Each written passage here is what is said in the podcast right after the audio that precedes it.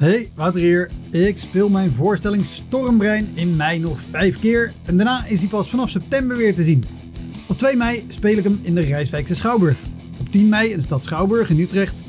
17 mei in het Toon Hermans Theater in Sittard. 25 mei in de Wiese in Schalkwijk. En 29 mei in het Stadstheater in Zoetermeer. Eind mei maak ik mijn nieuwe speellijst bekend, inclusief een te gekke show in de zomer. Meld je via elektropodcast.nl of woutermonde.nl aan voor mijn nieuwsbrief. Dan weet je als eerste waar en wanneer ik te zien ben. Sowieso is dat handig, want dan krijg je elke maand één mail met erin een overzicht van alle podcastgasten, de columns die ik die maand heb gedaan en alle shows die er in de maand erop gaan komen. Welkom, mijn naam is Wouter Monde. Dit is de Elektra Podcast. Een podcast waarin ik met collega's herinneringen ophaal aan shows die ze liever waren vergeten. Genoemd naar het roemruchte jongerencentrum Elektra in Sliedrecht, dat ooit bekend stond als de comedy hell.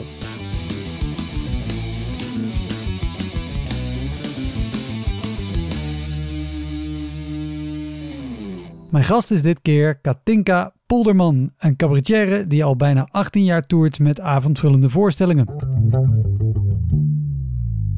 Ik, nou, ik heb ook wel eens gehad dat mijn zender nog aanstond zonder dat ik het wist. En dat ik de kleedkamer inkwam. Tegen mijn technicus zei van... "Goh, jongen, jongen, jongen, jongen, die blonde kutwijf op de eerste rij. Waarvoor zijn die hier?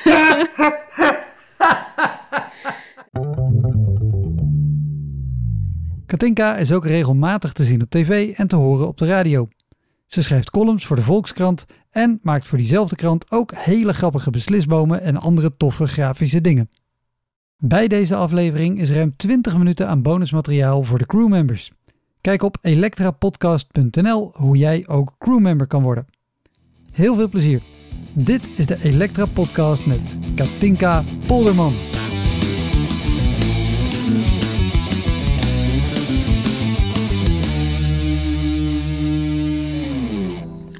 Nou, laten we erin duiken. Laten we dat doen. Want je hebt, eh, je hebt allerlei aantekeningen. Ik heb allerlei aantekeningen. Eh, eh, daar gaan we ook zeker doorheen. En Ja. ehm, volgens mij is er, is er, is er eh, genoeg. Dus de, vanmiddag twitterde ik dat, ik dat ik een opname met jou ging doen. En met Brokstukken, cabaret trio. En, en daar kwam al een hele Twitter-conversatie uit met overgeet dit niet, overgeet dat niet, overgeet zus niet. Ehm, want jullie stonden ooit in dezelfde finale van Leids Cabaret Festival. Jij hebt toen gewonnen en zij waren tweede. Eh Harry Glotsbach was daar ook nog bij. Dus heel veel samen getoerd. Maar ik ben wel benieuwd, wat, wat, hoe lang was jij bezig toen jij eh Leids won? Toen was ik 23, dus toen was ik eh, een jaar of negen bezig met liedjes schrijven. En met cabaret en optreden. Oké, maar dan, dan speelde je ook al dus lang... Ik, ja, ik, ik, ik, nou, heel veel optreden heb ik daarvoor natuurlijk niet gedaan. Niet, niet zoals nu, hè, drie keer per week. Ja, dat red je niet als je op een theaterschool zit of als je veertien bent en je moet ook naar school. Maar ehm, ik begon om mijn veertiende zo met schrijven van liedjes. En ik eh, ontdekte dat je daar, eh, nou ja, voor één optreden ongeveer evenveel geld kreeg als andere mensen voor een hele maand krantenwijk. en dan ook nog gratis bier en je kon uitslapen. Dus eh, dat was snel bekeken wat mijn bijbaantje eh, werd. En toen ben ik na de HAVO ben ik meteen naar de cabaretacademie gegaan in Rotterdam. wa- was wa- dat. wacht even, wacht even, wacht. Dan dan maak je een hele grote stap. Als je 14 bent en je begint met spelen... dan zit je toch ook niet al gelijk in een, in een betaald circuit? Ja, wel kroegen. En ehm, we hadden een, eh een cabaretgezelschapje, want ik durfde niet alleen op het podium, dus er moesten vriendinnen mee. Dus wij, wij eh, zongen mijn liedjes meer stemmig. En ik was de, de slechtste gitarist van het clubje, maar ik speelde gitaar, want ik wilde wel heel graag de controle houden. En wij, eh, wij hadden ons Willem-Alexanders Harem genoemd. Dus we hadden vooral op Koninginnedag soms vier optredens. Dus het was een enorm cashje. Want ja, dat stond natuurlijk leuk op de postertjes hè, van de kroegen. dus, ehm, dan, en dan gingen we echt van Goes naar Middelburg, eh, naar Vlissingen. Ik geloof dat we zelfs ehm één Koninginnedag gehad hebben... dat we ook nog in Berg op Zoom hebben gespeeld. En zo ehm, ja, verdienden we dan centjes, want dan kregen we, nou ja, dat was niet veel, maar dan kregen we dan uh, 50 gulden de man voor. Nou ja, dat is, dat is voor mij was dat uh, een maand met mijn zakgeld Ja, erbij, ja, een ja. maand roken, kroeg en blowen. dus nou ja, wat, wat heb je nog meer nodig, hè? Ik had daar twee krantenwijken voor, voor Ja. precies die drie dingen. ja, je moet dat handig doen, joh. Ja, dus, dus de, eh, ja, zo ben ik begonnen. Maar dan, dan stonden jullie bij kroegjes met drie meisjes van 14, 15. Ja. Wat, wat voor shows waren? Nou, Of heb je ehm, dan het voordeel, omdat je gewoon drie jonge meiden bent, dat mensen denken, oh, even horen wat dit is. nou ehm, de teksten die ik schreef, die hadden titels als eh, Ode aan de banaan en komkommer. Eh, en dat ging dan, oh, ja, het was onder het motto, eh, wat, waarom kijkt de groenteboer zo raar als ik vraag of hij ook een pashokje heeft? Eh woeps, ik ben weer zwanger. Ehm, nou ja, dat soort liedjes hadden we. Ehm, eh, dus dat was natuurlijk altijd heel ontregelend. Eigenlijk wat ik nu nog steeds doe. Hè? Je, je zag drie meisjes met een... Ik denk dat ik wel een elektrische gitaar had, volgens mij. Maar goed, drie eh, meisjes en die beginnen ineens zulke smerigheid. Driestemmig ook nog. Want ja, één vriendin zat op koor, dus die kon al die stemmen uitzoeken. en wij vonden dat ook volkomen normaal. Op een gegeven moment mochten we bij een van die vriendinnen mochten we thuis niet meer repeteren, want die ouders die. maar ja, die vader die kwam dan wel filmen bij het optreden. Dus die, die waren wel een soort van trots, maar zij had ook jongere broertjes en zusjes. Dus ik denk dat het daar, want ze waren ook heel christelijk.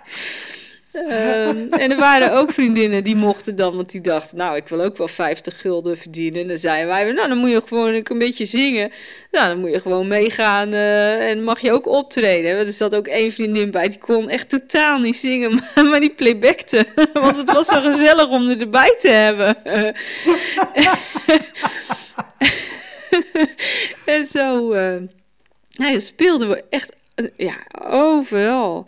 Zo in, in, in Goes, in, in kroegen, in het voorprogramma van de lerarenband. We hebben nog een keer een optreden gedaan. En dat was een soort uh, drugspreventiedag georganiseerd in een koffieshop. Um, van, vanuit een of andere organisatie die dan voorlichting wilde geven. Mm -hmm.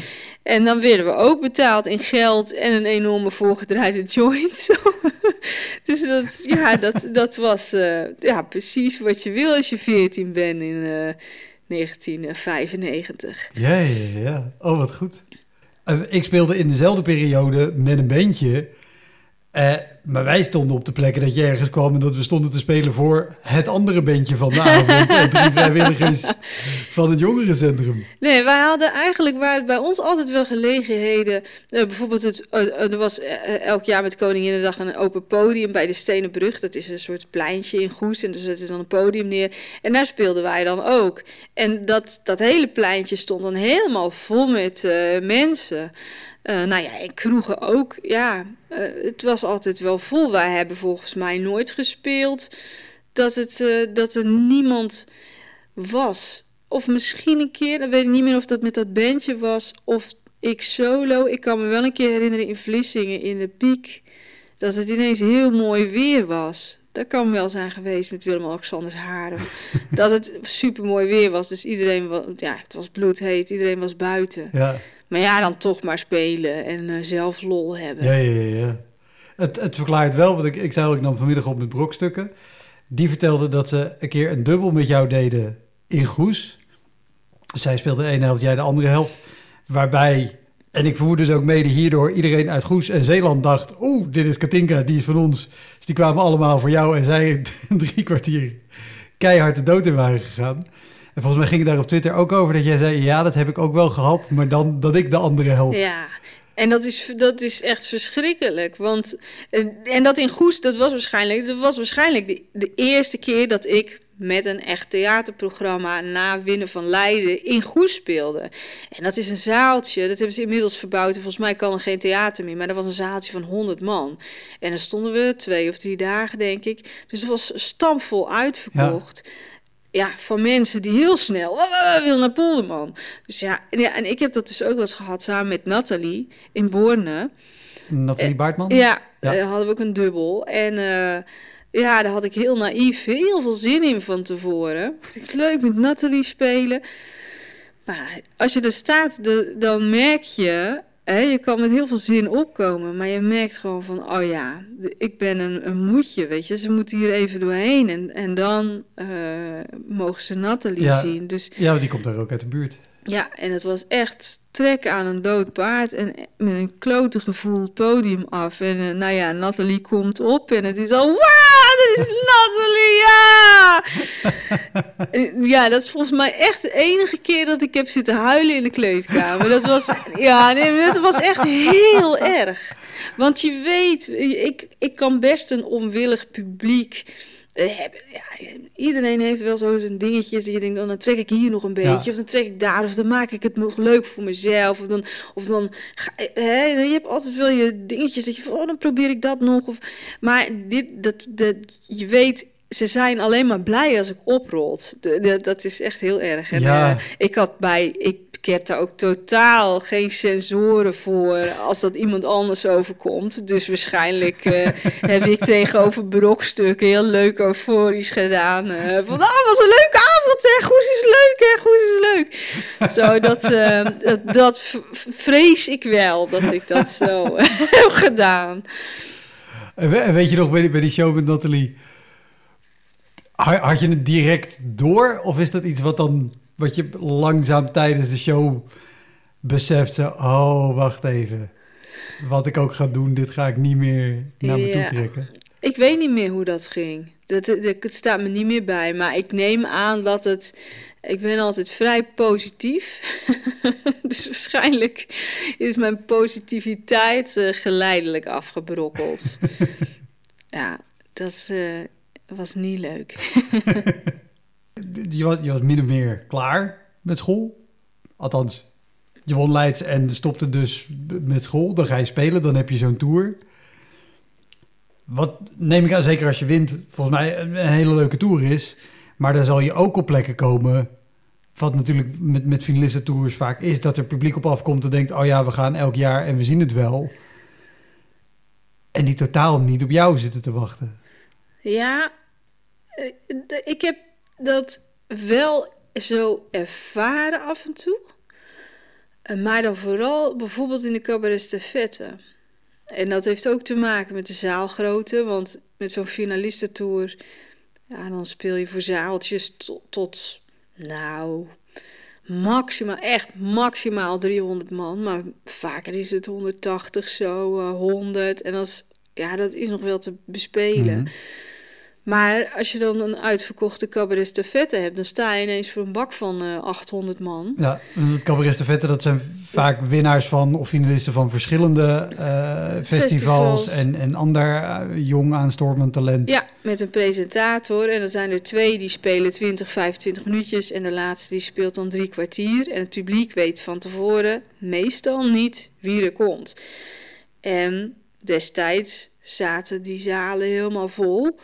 En ja, en dan kwam ik op en sommige zalen dachten dan uh, van, oh, een vrouw met een gitaar, of tenminste, dat is natuurlijk mijn interpretatie, want nooit iemand, heeft iemand dat tegen mij gezegd uit die zaal, van ik kom even namens de zaal zeggen dat we, als we jou zo zien, dat we er niet echt veel zin in krijgen.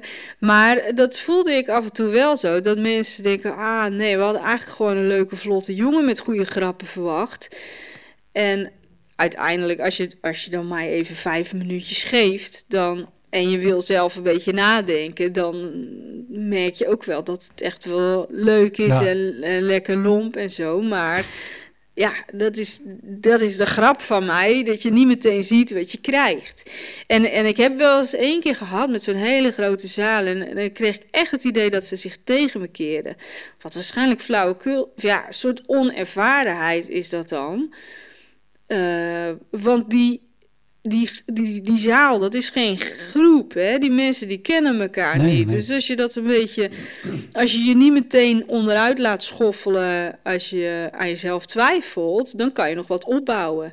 Maar ja, als je daar dan staat je denkt, oh ja, die, die moeten me niet. Nou, dan eh, maak ik het snel maar even af en dan ga ik weer. Ja, dan bouw je niks op ook. Dus dat vind ik altijd moeilijk om te zeggen dan eh, of ik dat dan bij het juiste eind had. Maar, maar heb je dan zalen gehad die, die ook gewoon niet reageerden of slecht reageerden? Of nou, ik heb dat juist mee? Ik heb wel eens in België gestaan. Ehm, en uh, België is hartstikke leuk en die mensen die luisteren heel goed. Fijn, zijn... Je bent echt een van de eerste. Ik heb al zoveel mensen gehad die, die, die, die over België zeggen: Ik vind het altijd lastig in België. En ik speel altijd met zoveel plezier in België. Ja, ja, ik heb het idee dat, dat Belgen, die vinden het leuk. En dat, dat hoor je niet altijd, maar ze luisteren wel goed. Er zijn grappen die in Nederlands zelden vallen. Omdat ze te subtiel zijn. Of omdat er door mijn grap heen gelachen wordt. Hè? Dat de grap nog moest komen, maar die mensen we hebben betaald, ze gaan lachen ook. en, en in België merk ik dat die mensen die, die, die zijn erbij en die luisteren en die denken zelf nog na. En dat is, dat is echt heel fijn. Alleen, hoe dicht je bij de taalgrens, de Franse taalgrens komt hoe meer moeite die mensen moeten doen om je te verstaan. Ja. Hè? Want die, dit, dat dialect, dat, dat gaat mee naar het, het, het, ja, naar het Frans. Of, hè? Dus die, die, ja. Nou ja, ik stond dus een keer ergens bij Kortrijk in de buurt. Echt een takken eindrijden natuurlijk. dat, dat, is ook al bijna over de grens. Uur, ja, 2,5 uur. Je hebt daar Roeselare, Tielt, nou ja, Kortrijk... Ehm, ja, dan en dan de, Duinkerken en dan uh, Frankrijk. ja. En dit, daar, daar, heb ik ook allemaal gespeeld. En ik weet niet meer waar het precies was. Maar er waren niet zoveel kaartjes verkocht. Um, dus uh, die uh, programmeur die zei, uh, de, de, programmator, die zei van ja, het zijn er niet zoveel, dus we hebben ze een beetje uit elkaar gezet. en dat was een bak van een zaal, want die cc's in België, dat zijn allemaal enorme zalen.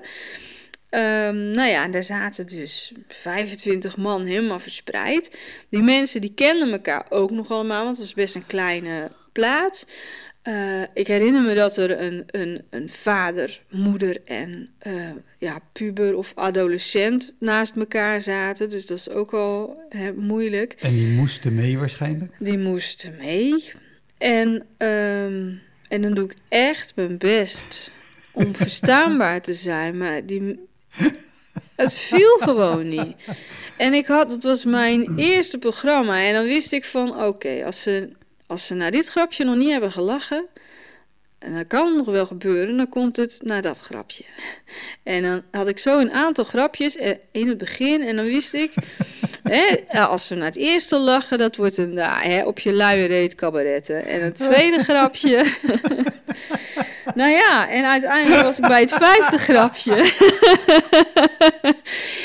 en ze lachten nog steeds niet. En toen heb ik echt, dat je weet van oké, er zit ook, zat ook nog een pauze in. Dat je weet van, nou, nou, we moeten nog meer dan anderhalf uur met elkaar. we oh, gaan allemaal geen plezier beleven, maar we moeten het toch doen. Weet je, dat je zo'n donkere tunnel inrijdt. En je... En ik kreeg bijna de slappe lach uit een soort onmacht. En ik zag die mensen. Het was blijkbaar ook best een lichte zaal. Want ik kan die gezichtjes ook allemaal nog herinneren van die mensen die dan ook zaten te kijken. Van, ja, wat is dit? Um, nou ja, en daar had ik dan wel een liedje wat ik kon overslaan. Nou, dat was één liedje. Vijf minuutjes. Um, maar ja, volgens mij heb ik dat gedaan.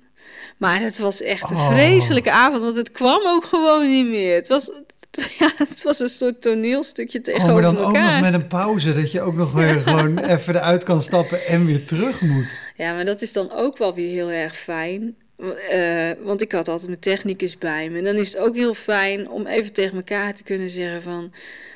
Ligt dit nou aan mij? Nee, het ligt niet aan jou.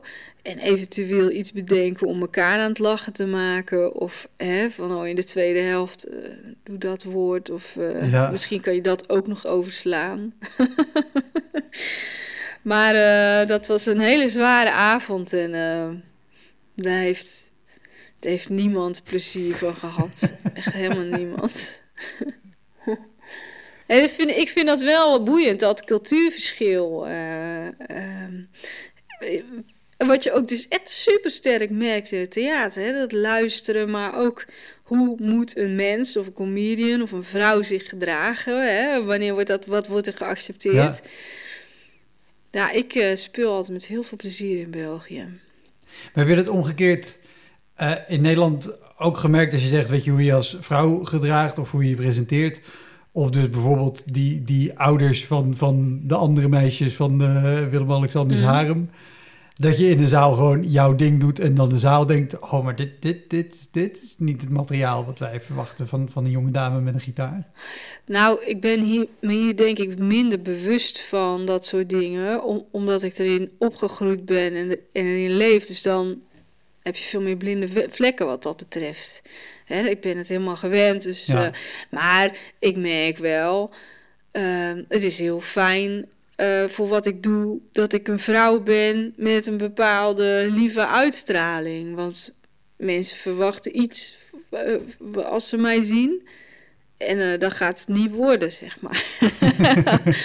en, en ik hou er heel erg van om te ontregelen in, het, in wat ik voor theater maak of waar dan ook.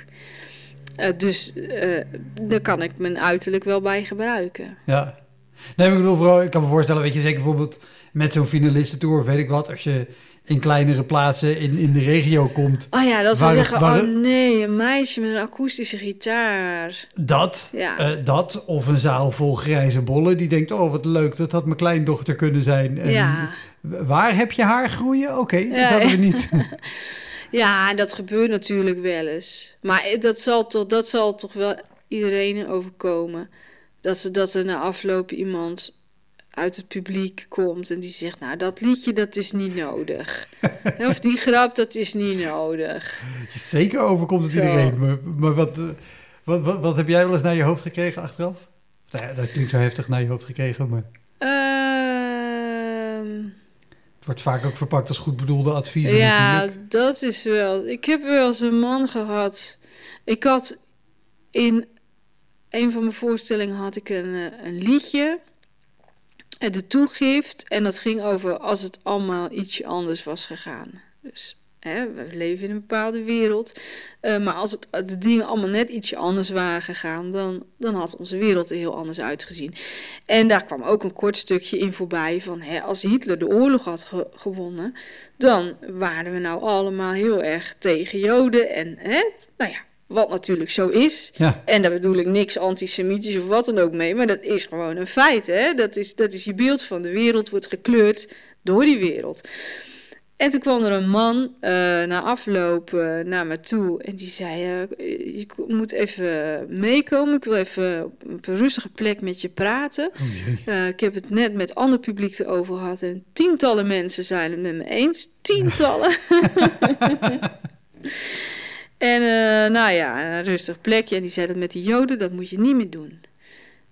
En ik zei, "Wa- wat? Nee, met die joden, dat moet je niet meer doen. Ik zei, maar wat is het dan? Nee, met die joden moet je niet... Want ik straal dat dus ook uit. Ik straal totaal geen autoriteit uit. Dus als mensen zeggen, het is slecht wat je doet, dan denk ik, ja, ja, ja. ja. Eh, dus dan ja... En ik, tot op de dag van vandaag weet ik nog niet wat hem dwars zat. ik weet het gewoon niet. Want het was, het was, het was niks incorrects aan wat ik beweerde. Maar blijkbaar, als je Hitler zegt, eh, bepaalde mensen luisteren dan niet meer en eh, slaan meteen op tilt van cabaret en Hitler, mag niet. Oh, wauw. Ja. Maar zou het best willen weten wat hem zo dwars zat. Ja. Nou, dus mocht je luisteren en mocht je iemand kennen die ooit eens heel boos naar een show van Katinka thuis is gekomen en zei wat die nou zei over Hitler en de Joden. Tientallen mensen waren het met hem eens, dus er moeten tientallen mensen zijn die ervan op de hoogte zijn. Hoi, Wouter hier. Wist je dat er al meer dan 160 afleveringen van Elektra online staan? Dus het kan heel goed dat je net die aflevering hebt gemist met een comedian of cabaretier die jij echt helemaal te gek vindt. Op elektrapodcast.nl kan je makkelijk zoeken op de naam van de gast. En daar kan je ook heel makkelijk doneren of crewmember worden om mij te steunen bij het maken van deze podcast. Als je in je podcast of streaming app even klikt op abonneren of volgen, dat is gratis, krijg je elke week een melding als er een nieuwe aflevering klaar staat. Oké, snel weer terug. Hey, je, hebt, je hebt allerlei uh, aantekeningen. Want Mm. ik vind het heel leuk om van vraag naar vraag en van ding naar ding. Maar ik denk ook, oh, je, hebt, je hebt met reden heb je dingen opgeschreven. Ja, Ik wil niks eh, missen uit... eh, nee, ehm, ik, ik denk dat het sowieso een goed idee is om... eh, ja, ik heb echt allemaal hele leuke dingen. ik denk, waar zal ik beginnen? Wat is het sufste? Kleedkamers, zijn die al voorbij gekomen in de podcast? Kleedkamers. Nou ja, één kleedkamer die regelmatig voorbij komt, is de kleedkamer van, van het Werftheater in Utrecht. Uiteraard, want die heeft geen toilet, alleen een hele gore wc-emmer. Met een een, laag chloor erin en een tuintje. Eh, wat voor in ieder geval bijna alle mannen die er optreden de wc is. Ja, ehm, eh, ja, eh, die, die bedoelde ik niet. Ik zit, Want wat bedoel jij, echte kleedkamers? Nou- of bedoel je wat een organisator aan je vertelt dat de dat de kleedkamer kleed- is? Nou, ik moest in China optreden ehm, voor de Nederlandse gemeenschap daar. Ja. eh, in Shanghai en in Beijing. Ehm, en in eh, Beijing.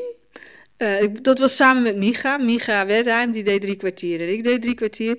En in Beijing... eh, Ja, Ja? ga verder. Jij, nee, eh, ja, dit schiet opeens één ding in mijn hoofd dat ik dacht... oh ja, dat, dat wil ik je heel graag vragen, maar dat komt later.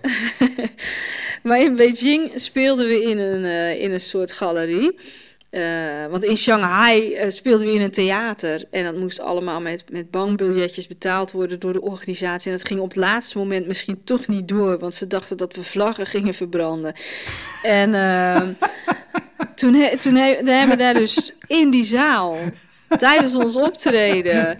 Sorry, ik ben Twee. gewoon heel casual. Dus Ja, wat nou ja, hadden jullie gedaan dat ze dachten... dat deze mensen niet. gaan de communistische partij onderuit halen? Misschien hadden ze eh, comedy door Google Translate gehaald of zo. Ik weet het niet. Maar uh, nou ja, dat was dus. Uh, zij wisten. Ja, je kan daar natuurlijk, als je een theater hebt, dan kan, dan kan je niet alles neerzetten. Hè? Want nee. als je daar de fout in gaat, ja, dat, dat moet niet. Ja. Dus nou ja, uiteindelijk kon het toch doorgaan. Ik heb toen van tevoren ook al mijn teksten moeten inleveren. En die hebben ze in het Chinees vertaald. Jezus. Eh, eerst in het Engels en dan in het Chinees. Dus ik had keurig al mijn teksten ingeleverd. En hebben ze toch maar een paar van tussen gehaald. Van nou, dat hoeven ze niet te weten in China. Dat, dat kunnen ze wel eens verkeerd interpreteren. Um, dus dat moest al van tevoren door een hele commissie heen. En in uh, Shanghai uh, hebben er dus achter in de zaal twee geuniformeerde Chinezen hebben de hele voorstelling foto's staan maken van wat wij op het podium deden. Wow. en toen kwamen we in Beijing en dus, daar traden we op in een, uh, in een galerie. Daar hadden ze een podiumpje. Er, zijn, er staan ook nog beelden op van op YouTube dat ik daar aan het soundchecken ben. En er kwam een, een, een bende Chinezen kwamen binnen, die kwamen gewoon in die galerie kijken. En ik denk, oh leuk, een optreden. En uh, toen heb ik ze mee laten zingen met Ik heb haar op mijn kut. aan de, er, was, was een uh, technicus en er was een Nederlander, maar die sprak ook goed Chinees. Dus ik zei, wat is allemaal in het Chinees? Nou, dat was Ishi. Dus ik zo, Ishi.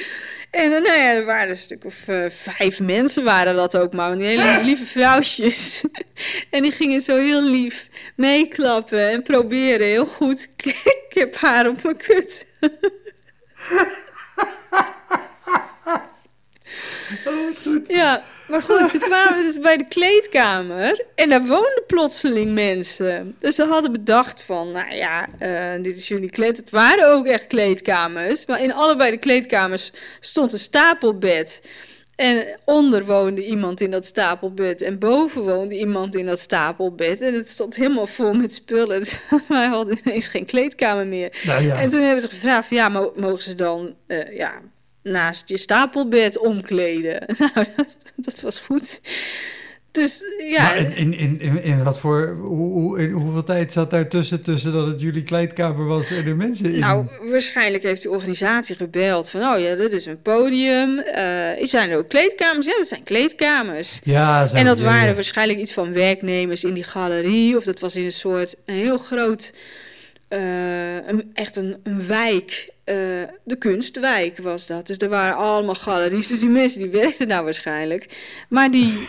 Ja, die, dus oplossing voor de woningnood. eh, dan zou ik niet in het Werftheater gaan wonen als ik de mensen was. Maar goed, in Pepijn eh, kan je toch wel gauw drie mensen per kleedkamer opstapelen. Bij- ja, als ze oh, gaan staan, kan het. naar Chinese begrippen Ja, dat- moet, dat, moet dat lukken.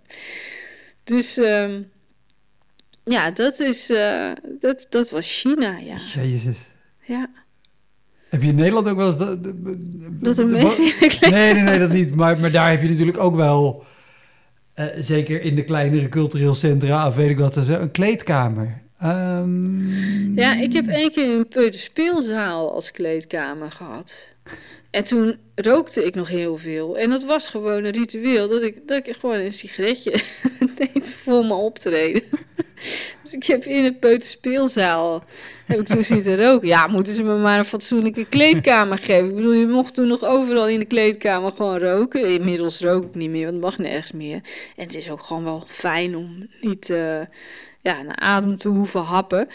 Ehm, maar toen zei ze, ja, ja, eh, hier in de, in de peuterspeelzaal. Toen, ik, kom, ik rij altijd mee met mijn technicus, dus ik ben er dan ook altijd al om één uur 's middags. En dan ga ik een beetje lezen of schrijven of ik ga het plaatsje verkennen Ja. waar we spelen. Maar ja, om één uur 's middags eh, zaten daar nog kindertjes in de peuterspeelzaal. dus ik kon ook pas, eh weet ik veel, na drie uur of na vier uur in mijn kleedkamer. en dan vraag ik me nog altijd af waar dat nou was. Want ik ben er nooit meer terug geweest. Dus of ze daar nou een kleedkamer aan hebben gebouwd... of dat dat hele theater verhuisd is, weet ik ook niet meer. Of het is een circuit waar ik niet meer kom. En eh, even kijken, want ik had net nog iets met een, eh, met een kleedkamer. Maar ik, oh ja, het Spectrum in Schijndel. Daar heb je met brokstukken misschien ook wel over gehad. Ja, ja. Ja. inderdaad. Dat was voor hun een hele rel. Maar eh, voor mij ook. Want dat was een, een, een, een, eh, cultureel centrum. En dat werd geopend. Ja. Eh, en dat mochten wij openen. Ja, en, en, en ook zo'n cultureel centrum wat dus niet alleen een theater is, maar ook de bibliotheek en ook Helemaal het gemeentehuis en alles, alles wat vanuit de overheid in één pand. Ja. En inmiddels hebben ze een theaterzaal. Volgens mij hadden ze dat toen nog niet. Of ze hadden te veel genodigden om daarin te proppen. Eh, Dus er was een soort centrale hal. Daar hadden ze een podium gebouwd. En daar zouden wij dan optreden. En het begon er al mee dat de organisatie dan zei van... Ja, ik heb bedacht dat jij over die trap opkomt. Ik denk, ja, maar ik ga niet alsof ik een soort baljurk aan heb. Over, dat was zo'n gigantische trap, zo. Die me, ja, nee, zo ga ik mijn entree niet maken. Nee. Ik heb een hond en een gitaar bij me. Wat denk je nou? Ik wil gewoon zo, ja, het podium opstiefelen. Dat is mijn opkomst. Nou goed, dat mocht dan. En ehm, we hadden een keurig kleedkamer met, met ja, weet je, een soort sportkleedkamer met van die houten bankjes langs de betegelde wand en kluisjes. En eh, nou, daar wilden we ons dan gaan omkleden. En ineens komt er een groep verstandelijk gehandicapten die kleedkamer binnen. Ehm, want die hadden daar hun kluisjes, eh, want die waren daar schoonmaakster. Schoonmaken. De schoonmaakploeg was verstandelijk beperkt. Ja, hoe noem je dat tegenwoordig? Verstandelijk beperkt. En dat was ook hun kleedkamer als zij normaal moesten werken. En hadden ze kluisjes. En die wilden zij aan hun familie laten zien. Dus als wij in die kleedkamer zaten, kwamen er echt om de 10 minuten weer een paar hele trotse, verstandelijk beperkte mensen binnen. die die kluisjes wilden laten zien aan hun familie. Oh, jezus. Ja, en ehm, toen hebben we gezegd dat dat niet zo handig was. Ehm, maar ja, dan waren die verstandelijk beperkten natuurlijk ook weer eh, boos. Ehm, en toen begon dat optreden. En toen was er een cameraman van Omroep Brabant. En die had zijn kabels helemaal vastgetaped aan het podium. En eigenlijk in elke stilte, hij wilde blijkbaar zijn camera anders gaan zetten. In elke stilte begon die, die tape los te trekken. En zo. En, dan- en, en dat ik hem uiteindelijk aansprak, want het maakte heel veel lawaai. Ik zei, ja, maar ben je, kan, kan je dat niet gewoon even nu doen dan? En dan, hè, dan leggen we het even stil. Ja, Doe je nu even klaar. die tape weg en, en dan bouw je weer op hoe je het wil en dan gaan we verder. En ja, een beetje gemoppen. Ja, eh, ja, nou ja, ik ging verder en weer... En toen kwam daar dus ook nog overheen dat eh, daarna in de krant stond, geloof ik, dat eh, brokstukken dat dat echt niet kon. Want eh, ja, die hadden dan iets met, eh met teabaggen, geloof ik. Ik geloof dat dat het probleem of met De, een de sketch heet in ieder geval Doggy Punch. doggy En het- punch. het- Het was iets met een snorscheiter op iemand zijn gezicht, geloof ik. Eh, ja, de, de uitleg voor de doggy punch was dat je als man een vrouw van achteren neemt, je spuugt op de rug, zodat ze denkt dat je klaar komt. En als ze omkijkt, sla je er in haar gezicht. ja. Dat was de doggy punch. En daar hadden ze nog een heel aantal variaties op. Al dan niet aangedragen door Jochem Meijer. Oh, echt waar? Oh, dat wist ik niet. Dat wist ik niet. Maar nou ja, die, eh, dat, die hele zaal, het was gratis. Dus er zaten allemaal hele, en ik geloof dat er een bejaardenhuis naast zat. Dus er zaten allemaal hele oude mensen. Ja, het was totaal niet geschikt. En dan wilden ze ook nog, ehm, wat wij daar stonden te doen, wilden ze filmen. En eh, in de uitzendcarousel meenemen van Omroep Schijndel. Terwijl dat was ons festival 20 minuutjes. Dus we hadden niet Nee. meer materiaal dan dat. Dus ja, dan kan je natuurlijk niet zomaar op tv uitzenden. Want hoeven mensen niet meer te komen kijken, want dan kennen ze het allemaal. Nou, eigenlijk alles wat mis kon gaan, ging mis bij het Spectrum in Schijndel. Ik heb er twee jaar geleden nog wel eens gespeeld. En toen viel het mee. En niemand die achteraf kwam en zei, hé, hey, maar je was hier. Weet je nog? Je hebt het. Nee, niemand. En dat viel me toch ook wel een beetje tegen. dat niemand naar me toe kwam van. Ja, jij hebt dat toen geopend, hè? Nou, nou, nou. Dat was toch leuk dat jullie dat. Nee, Kom mee, ik laat je mijn kluisje zien. iedereen. Ja, ja. Iedereen was het vergeten. Oh, wat zonde. Ja. Eh, voor we verder gaan met je lijstje, wat net door mijn hoofd schoot. Eh, en dit is echt al volgens mij 14 of 15 jaar geleden. Eh, want ik weet het omdat er, je had in de Melkweg heb je één of twee jaar het Amsterdam Comedy Festival gehad. In allerlei zalen. Ik was daar vrijwilliger. En dezelfde avond, of de avond ervoor, maakt niet heel veel uit, deed jij met Micha Wertheim en nog iemand een avond in Bellevue. Dat was aan het begin van de zomer. Dat heette Huppel de Pup ruimt op of opgeruimd staat netjes of weet ik wat. Het was een soort try-out voorstelling aan het einde van het seizoen om alle losse ideeën nog erdoor te gooien. Met Micha in Bellevue. En nog iemand, jullie waren met drie. Volgens mij in Klein Bellevue. En het, het is me bijgebleven. Volgens mij was het, ik durf niet te zeggen of het uitverkocht was. En ik weet dat jij er een grap deed. eh, dat je zei van ja, maar allemaal collega's van mij die, die dwepen allemaal met Toon Hermans. Ik weet niet wat ze daar aan vinden. Ik heb daar helemaal niks mee. Die hele Toon Hermans. Ik vind helemaal niks. En ik weet dat ik het heel grappig vond en heel hard moest lachen. En echt me bewust was van het feit dat de rest van de zaal niet aan het lachen was. Ik, mensen, dit is heel grappig. Dit is, waarom? Ja, dat was een. eh, dat- want die avond, nou, dan vertel je me iets volkomen nieuws. maar dat stukje weet ik wel. En inderdaad, dat ik dat drie keer heb geprobeerd in Bellevue. En dat het daarna is verdwenen. En dat het nog steeds op mijn lijstje staat om te doen. En dat ik ook precies weet wat er toen in die tijd misging. Want het was een try-out voor mijn tweede programma. Dus dat is echt al lang geleden. Dat is, dat bijna tien jaar geleden, denk ik. En eh, dat was een, eh, een eh, stukje. En daarin vertelde ik als een soort Toon Hermans imitatie dat ik Toon Hermans niet leuk vond. Dus eigenlijk een grote ode aan Toon Ja, ja, Hermans. precies. Hè, van ik vind een nare man met zijn snorretje. Soms snorretje. Het is niet eens een snorretje. Het is een snorretje van niks. Het is, een- het is dat, dat. Maar ik, ja, dat is, dat is ook, dat is ook heel. Dat, ik denk ook dat dat heel erg grappig is. Eh, ook omdat het een beetje ontregelt. Hè, dat mensen denken: meent ze dit nou of niet? Maar volgens mij doen ze Toon Hermans na. Maar dan vinden ze hem dus geen nare man. Maar hoe zit dat dan? Ja. Plus dat je natuurlijk al die kleine dingetjes van Toon Hermans kun je nadoen. Ja. De- Inclusief het leunen op een... hè, Ja, maar dat was ook het grappige eraan. Ja, maar iemand die al deze details zo goed Ja. en minutieus erin stopt, dan snap je toch dat... Oh. Ja, en, en ik weet ook wat er toen... Want dat, dat was echt heel vervelend, dat mensen dat niet snapten. Dat je... eh, eh, Ja, je, je kan ook niks anders doen dan het doen. En, maar ik weet wel, ik denk wel dat, dat ik weet wat er misging. Want op een gegeven moment voel je van... Oh, mensen gaan zich... Die voelde ik echt dat ze zich een beetje tegen me keerden. Van, hè, snotneus, jij komt net kijken. En dan ga jij zeker vertellen dat Toon? Hermans niet... eh, ja, ik voel me heel snel aangevallen altijd. Dus misschien dat, dat, ik, dat het ook een onterechte aan, een onterecht gevoel van aanval was. Maar dat dacht ik te voelen, hè, dat de mensen... Het was niet alleen dat ze het niet grappig vonden, maar ook dat ze dachten van... Ja, maar eh, hoezo? Toon Hermans is toch hartstikke goed? Jij weet nog helemaal niks. Ehm, en eh, door dat gevoel denk ik dat ik een beetje onzeker werd en hem niet meer volledig uit durfde te spelen. En ja, dan brokkelt zo'n stukje helemaal af en dan heb je niks meer. Ja.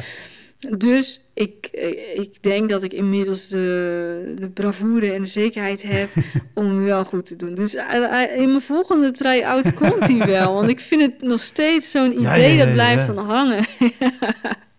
Laten we eh, kijken wat je nog op je, op je blaadje Even zit. kijken. En nou, ik heb ook wel eens gehad dat mijn zender nog aanstond zonder dat ik het wist.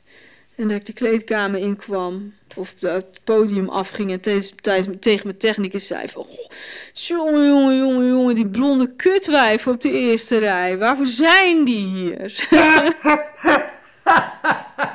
en dan waren er nou net de mensen die bleven zitten in de pauze. ja, dus... eh, Wat, wat voor blikken krijg je dan als je de tweede helft begint? Nou, en dat was dus zo gek, want eh, aan het einde van de pauze kwam mijn technicus een beetje verbouwereerd van... Ja, sorry, maar dan wil ik toch even zeggen, jouw, jouw eh, microfoon stond nog aan, dus iedereen heeft het allemaal kunnen horen. En eh, toen kwam ik op en ze zaten er nog. En was eigenlijk, ik had niet de indruk dat ze me hadden gehoord, dus waarschijnlijk waren ze gewoon eh, doorgegaan met praten waar ze, waar ze waren gebleven eh, aan het einde van de eerste helft van de voorstelling. Ik weet het niet. Maar eh, het was niet dat ze weg waren of dat ze me heel veel aan zaten te kijken. Want ze zaten in de eerste helft er al eh, gewoon met elkaar doorheen te. Ja, ik. ongeïnteresseerd. Dat je denkt, ja, volgens mij moeten jullie en inderdaad af en toe praten. En oh, niet leuk. Je denkt, ja, maar voor mij hoef je niet te komen. Dan Nee, hadden hier ook mensen kunnen zitten die er wel zin in hebben. Ja. Dat. Ehm, maar ja, eh, ja, heel gek. Ik had niet de indruk dat ze, dat ze het hadden gehoord. Nou, wat hebben we nog meer? Oh ja, ehm, de, de rookmachine. Dat is toch ook wel echt een issue? ik had in mijn eerste voorstelling had ik het rokersstrijdlied. Dat was het laatste liedje voor de pauze. En ik zat op een bierkratje en eh daarachter stond een rookmachine. En die ging echt eh, tijdens dat liedje, tijdens het rokersstrijdlied, ging, ging die rookmachine keihard aan. Echt de hele zaal blauw. En dat was dus voor de pauze, want daarna konden dan de deuren open. Ja. En dan konden we elkaar weer zien en dan kon die zaal even luchten. En smiddags vroeg mijn technicus altijd van... staan ook de rookalarmen in de gangen uit? Want het is echt heel veel rook, hoor. Echt heel veel rook. en die technici die zeiden dan vaak... ja, die, dat, eh, maar dat, dat komt daar niet. En dan zei hij... ja, maar het is echt heel veel rook. en het is... het is serieus wel... wel vijf keer gebeurd... dat de brandweer is uitgerukt voor die rookmachine. Eén keer, dat was wel heel gaaf, kon ik vanuit mijn klei- kleedkamer de brandweerkazerne zien. dus dan zag je eh, hè, dat rookalarm. En nou ja, die theaters die bellen natuurlijk naar de brandweer, want het is loos alarm. Dus, maar die, die brandweer die moet komen, dat is protocol. Ja. theater, daar moeten ze naartoe. Dus dan, ik kon in mijn kleedkamer met mijn sigaretje, kon ik eh, zo mooi eh, al die brandweermannen naar de kazerne zien gaan. Nou, die waren er heel snel. En toen ging die deur zo open van de brandweerkazerne. zwaailichten aan. En dan kwamen ze. En die moesten dan eerst eigenlijk een half rondje door het dorp vanwege eenrichtingsverkeer. en dan stond mijn hele decor weer vol brandweermannen. In, eh, in Groningen zijn ze gekomen. en in Utrecht. nou ja, en zo nog wat zalen. En op een gegeven moment stond ik, stond ik voor, een, eh, voor de gemeente in eh, Leiden. dat waren allemaal gemeenteambtenaren. Smiddags. En eh, daar was al geruime tijd belde de Schouwburg naar de brandweer van er is iets mis met, of naar de gemeente van er is iets mis met onze brandalarmen, kom daar nou eens iets aan doen. En de gemeente, ah ja, dat doen we nog wel, doen we nog wel. Uh, nou ja, totdat ik daar dus stond voor die gemeenteambtenaren. Het was sowieso een rare voorstelling, want s'avonds speelde er eh, een voorstelling in het kader van Leids Ontzet. En, of Leidens ontzet, of Leids... Nou ja, Leids ontzet. Leids ontzet. lang verhaal met de oorlog, een soort Leidskoningin in de dag. Ja, dus uh, het publiek zat op het podium, op een, uh, op een ding, op een uh, tribune. op de zaal hadden ze podium gemaakt. Ja. Er lag een dood paard opgezet. en het Natuurlijk. podium eindigde een soort afgerond met een bak water. Um, en daar moest ik dan voor die, hè, want dat was voor die voorstelling s'avonds. En ik moest dan in dat decor, met dat dode paard achter me, uh, voor die mensen spelen. en nou ja, ik deed er ook een strijdlied. En die zaal die was natuurlijk heel anders dan anders. En ze waren vergeten de brandalarmen in de orkestbak uit te zetten. En al die rook, die gaat de orkestbak in. Nou ja, brandalarm af, heel die zaal ontruimd. Want het was nou eens niet in de pauze, maar het was echt ja, mijn derde liedje of zo. Dus uh, iedereen stond op straat. Ik ben die bak water nog bijna ingedonderd, die dus twee meter later, lager uh, stond. Maar een hond die zat nog in de kleedkamer, dus die moest ik, hè, wieuw, wieuw, wieuw, moest ik die uit de kleedkamer gaan halen. Dus ik stond op een gegeven moment uh, op de stoep tussen die mensen met een hond. Uh, en een zender op. En die mensen zeggen, ja, ik denk dat het een oefening is hoor. Ik denk dat het een oefening is. Weet jij van niks dan? Oh nee, ja, ik denk dat het een oefening... Nou ja, brandweer komt aangereden. Er was inderdaad niks aan de hand. Maar uh, ja, uh, zo kom je nog eens uh, met de brandweer in contact. En een ander ding wat ook echt nog verteld moet worden is uh, in Watwaai. Daar hebben we de brokstukjes denk ik ook wel over gehad. Oh, nee, nee. Die, nee? Die, die, nee, maar ik, ik denk nu, oh ja, die, Hij kwam die voorbij, zag ik inderdaad hè? ook voorbij komen, ja. In Watwaai, dat is een heel klein zaaltje, theaterkerkje. Nou, uh, ik had een carnavalskraker. Ik heb haar op mijn kut. Het was mijn eerste voorstelling. En dan hadden we serpentinekanonnen op gaspatronen met een soort uh, rubberen dop. Dat is dan een buis. Ja. En een gaspatroon, er zit een rubberen dop voorop. Die wordt uitgeschoten en die confetti of die serpentines die komen allemaal mee. Ja. En dat was mijn toegift. En die serpentinekanonnen, die stonden altijd zo dat ze rakelings over het publiek uh, schoten. Dat was leuk. nou, wij hadden opgebouwd met technicus, die had heel goed gekeken. Nou, rakelings over het publiek. Uh, wij komen terug van eten. En wat hebben ze nou gedaan? Zonder dat wij het wisten. Twee rijen stoelen voor de andere stoelen gezet. Helemaal, hebben ze helemaal niet gezegd. Maar ja, dat deed, hebben ze tijdens ons eten gedaan. Ik niet gedacht dat er confetti-kanonnen... Nou, dat wisten ze wel, maar blijkbaar, oh, blijkbaar niet dat dat dan zo rakelings ging. Ik weet het niet. Uh, dus, uh, nou, ik heb een voorstelling gespeeld, de toegift komt. Ik heb haar op mijn kut, klaar voor de grande finale. Ja, bam! En zo'n rubberen dop uit die confetti. Dat is echt heel erg voor die mevrouw. Maar me, zo'n mevrouw, die, kreeg, die op de eerste rij, die kreeg die rubberen kogel eigenlijk. Gewoon keihard van drie meter afstand in haar oog. Die, die heeft al drie weken met een blauw oog gelopen. Het is heel erg voor die mevrouw. Ik hoop niet dat ze dit hoort. Ik ben zo moet lachen. Die, die was zo geschrokken dat ze tegelijk moest huilen en lachen. Gewoon. Ze zat ook echt ergens tussen allerlei emoties in. Um, Dus die hebben we nog wel een bosje bloemen gestuurd uiteindelijk van ja, sorry. Uh, maar ja, die heeft dus echt nog een hele tijd met een blauw oog gelopen. En um, ja, dus en sindsdien heeft mijn technicus altijd heel goed gecontroleerd of er toevallig nog een, uh, ja, ja, ja. een rij volgezet is. als, als Strale Troost, Arie Sylvester vertelde dat ze ooit een vrouw uh, op de eerste rij keihard een krop sla in de gezicht hebben gegooid. Ja, die zitten luisteren. ja, ja, ja. Wat, wat doet er meer pijn, hè? Ik, ik denk een rubberen dop recht in je oog. dat denk ik ook. Uiteindelijk. ik vind het wel mooi met, met die gaspatronen... De, de eigen wijsheid van sommige technici. Als je dus zegt, jongens, zet die rookalarmen nou uit, want het gaat mis. Nee, dat zal wel meevallen. Geloof mij nou. Ja, gek hè? Nee, maar we hebben nu vaker rookmachines. Zo, dat. Ja, maar die gaan niet zo hard. Want uiteindelijk, ik was ook niet meer te zien op den duur. Ik zat in zo'n rookwolk en die hele zaal die werd gewoon vol met rook gepompt. dat ding, dat stond... nou, hoe lang duurt dat lied? 4,5 minuut stond, stond die rook, rookmachine keihard op volle toeren te draaien ja, als je dan in een kleine zaal, eh, in, in het Kruidhuis in Groningen, dat is echt een klein zaaltje. Uh, nou ja, dat stond uh, helemaal blauw. ja. nou, even kijken. Ik zag er net nog één. Ik dacht, die moet ik ook doen. Uh, oh ja, um, ergens uh, in Noord-Holland. Er was een dementerende vrouw. Die zat op de eerste rij.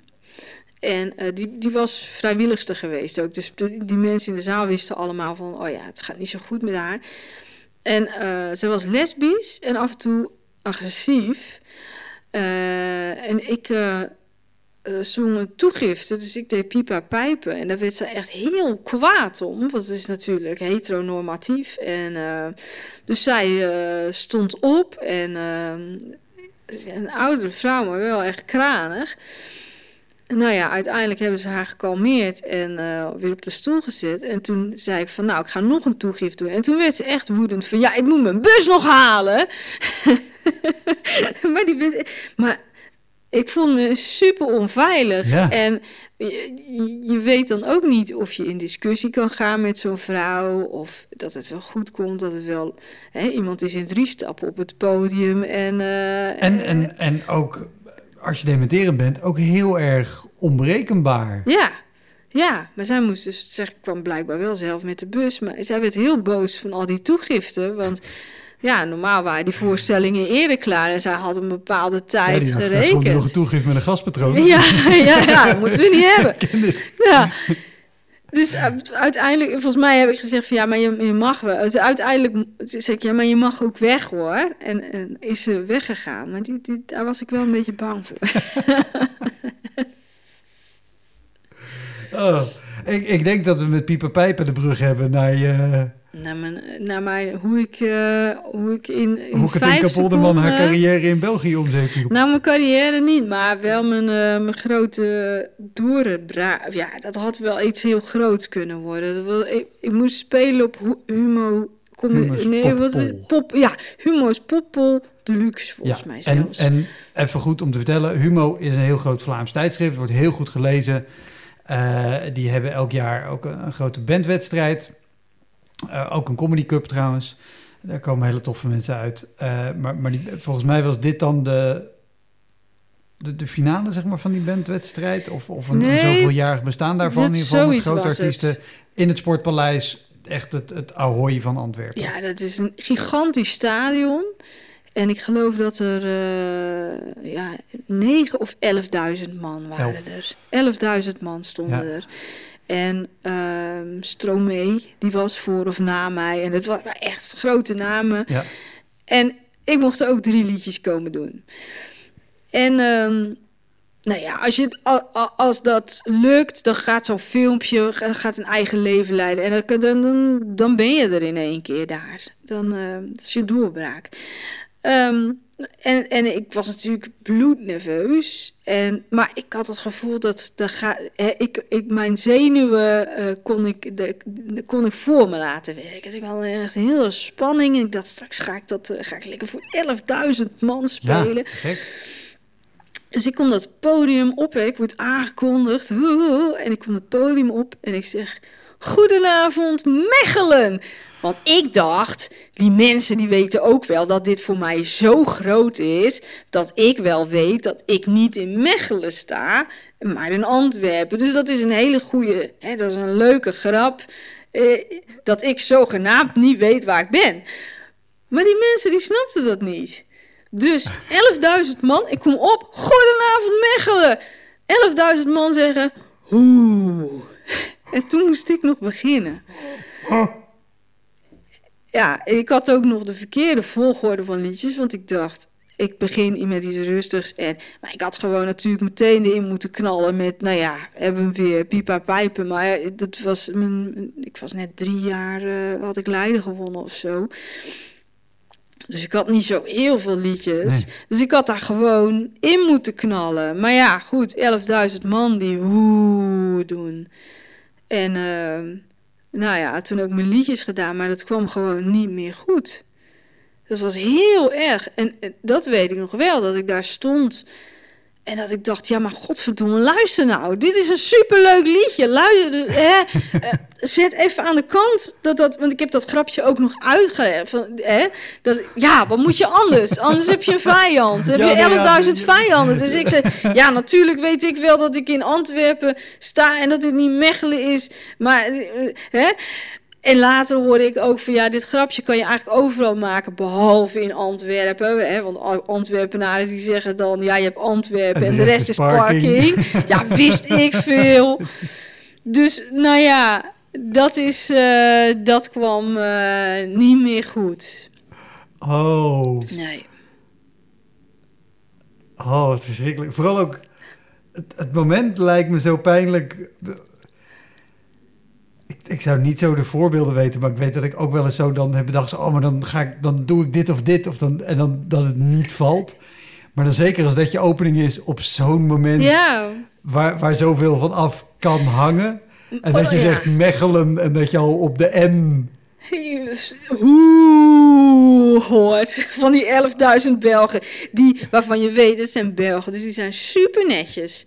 Uh, dus die zeggen niet zomaar hoe. Wel, als ze horen dat je een Hollander bent, die blijkbaar niet weet waar ze is. Dus ik had alles tegen me. En ik had op dat moment realiseerde ik me niet dat dat, dat zo'n groot moment was, zo'n groot optreden. Ik was vooral bezig met, oh, the fuck, ik sta gewoon in het sportpaleis. Ja, gek.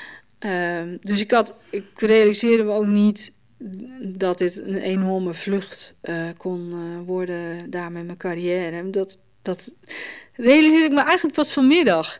Ik dacht, uh, wat, wat, is een, wat zou er in het korte tekstje bij de podcast staan? En dan dacht ik, ja, dat is wel hoe Polderman haar grote doorbraak in België saboteerde.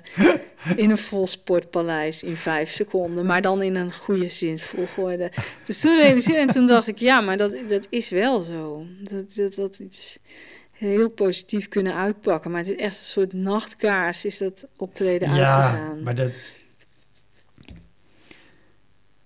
Denk je dat het ook niet gewoon bij dit vak hoort dat je op, op dat soort manieren dan gaat denken als er dus zoiets misgaat, dat je dan denkt, oh, maar dan had het dit of dan had hetzelfde geld had je opgekomen en wel gewoon hey Antwerpen en was een hele leuke show geweest. Ja, en, maar het is ook gewoon zonde. Weet je, wanneer sta je nou... Ik heb sindsdien niet meer in een stadion gespeeld. En, en het is heel erg zonde dat er dus zo'n... Het is, het is als een vakantie die verregent. Ja. Weet je? Dat je denkt van, oh, in een stadion, dan is het super tof als dat ook echt heel goed lukt. En alle ingrediënten waren er. Alleen, ja, twee dingen deed ik verkeerd. De volgorde van mijn liedjes, ja, en die, en die opkomst. Ja, zo zonde. Zo zonde. Maar ja, het is niet anders. Top. Dankjewel. Ja, ik vond het leuk. Echt louterend, een soort therapie. Goed hè? Ja. Bij deze aflevering is ruim 20 minuten aan bonusmateriaal voor de crewmembers. Kijk op elektrapodcast.nl hoe jij ook crewmember kan worden. Dat was hem, de Elektra Podcast. Meer informatie over mijn gast van vandaag en linkjes naar van alles en nog wat vind je in de omschrijving van deze aflevering. Er staan ongelooflijk veel afleveringen online van Elektra. En op elektrapodcast.nl kan je makkelijk zoeken op de naam van jouw favoriete comedians en cabaretiers. Je kan daar ook eenmalig doneren of crewmember worden. Als crewmember betaal je maandelijks een klein bedrag, maar dan krijg je ook nog eens bonusmateriaal. Je luistert voortaan zonder onderbrekingen en je krijgt consumptiebonnen die je kan inleveren bij een show van mij. Ik vind het sowieso te gek als je een keer komt kijken bij mij. Dus ga naar woutermonde.nl, daar zie je precies waar en wanneer ik optreed. Of meld je aan voor de nieuwsbrief, dan hou ik je op die manier op de hoogte. En dan nog iets, elke vrijdagmorgen doe ik een column op radiostation Kink. Je kan die column terugluisteren als podcast. Hij heet Kink op de Week en je vindt hem in de app waar je ook deze podcast luistert. Oké, tot de volgende Elektra. Hoi!